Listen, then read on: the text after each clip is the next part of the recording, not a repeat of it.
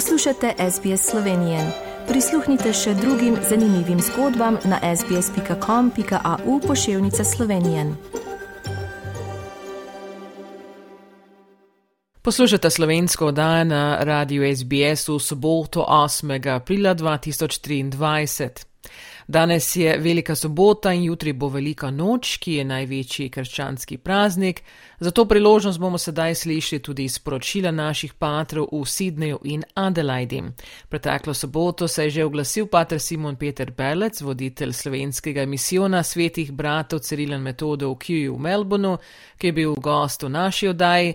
Danes pa se bo oglasil pater Darko Žnidršič, voditelj slovenskega misijona svetega Rafaela v Marylandu v Sydneyju. Dobar dan, pater, in ponovno lepo pozdravljen na slovenski oddaji. Dobar dan vsem in iskreno iz srca voščilo za praznik gospodovega ustajenja. Za letošnje leto sem izbral misel našega načkofa Ljubljanskega in sobrata patra Stanislava Zoreta ki vošči takole, vsem voščim blagoslovljeno veliko noč. Vi, ki ste bolni in trpite, naslonite se na Jezusa. Vi, ki ste zatirani in izkoriščani, ozrite se na Jezusa. Vi, ki ste preganjani, oklenite se Jezusa. Vi, ki ne vidite smisla življenja, zaupajte v Jezusa. Vsi skupaj z Jezusom stopajte proti odrešenju in ustajenju. Letošnje leto je tudi jubilejno za nas, saj smo praznovali 50. obletnico blagoslova Cerkve svetega Rafaela, o čemer lahko tudi berete, gledate reportažo v našem novem listu Rafael, ki je išel prejšnji teden. Vse pa vas povabim, da združimo srce in moči in nedeljo za nedeljo in ob drugih priložnostih znova okrepimo naše živo občestvo, brez katerega ne bi bilo tega pomembnega kraja slavljenja Boga, našega druženja. In predvsem velikonočnega veselja se je Gospod prav v teh svetih dneh odrešil nas vse kot Bog in človek, kot tisti, ki prihaja k nam, kot brat in prijatelj, vedno znova vabi, pridite k meni vsi, ki ste utrujeni in obteženi.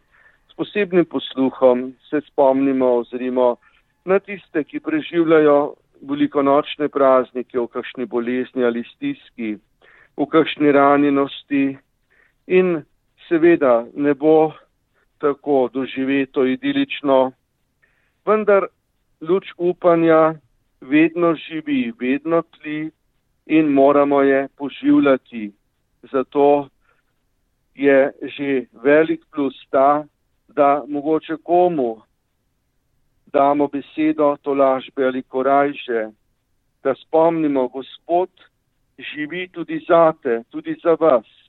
In da kot občestvo mislimo drug na drugega in kako je župninska skupnost doma, bila tudi druga družina in je mnogim vse do danes in bo naprej tako tudi tukaj pokažemo, da smo resnično združeni v enem duhu, ki jo življa v Gospodu, ki je izpolnil očetovo voljo in prihaja k nam, če tudi smo včasih za obloženo miso, mizo, drugič učenci na poti v Emavski sta imela, učenci sta imela drugačna pričakovanja Jezusa odrešenika, tretjič pa tudi Gospod pomaga mnogim svojo milostjo, ko še mi ne pričakujemo.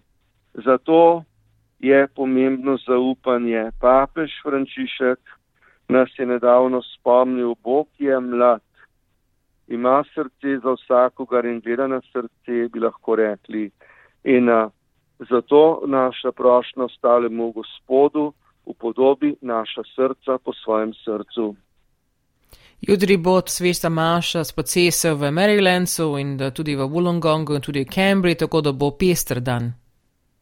Res je, pester dan, tako praktično, kot bi imel tri župnije.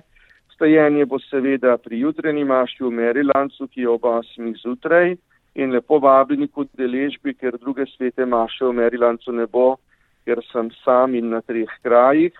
Ob 12. je potem opovdne sveta maša v Volongongu, ob 6. zvečer pa v Kamberi in po vseh treh svetih mašah blagoslov velikonočnih jedil.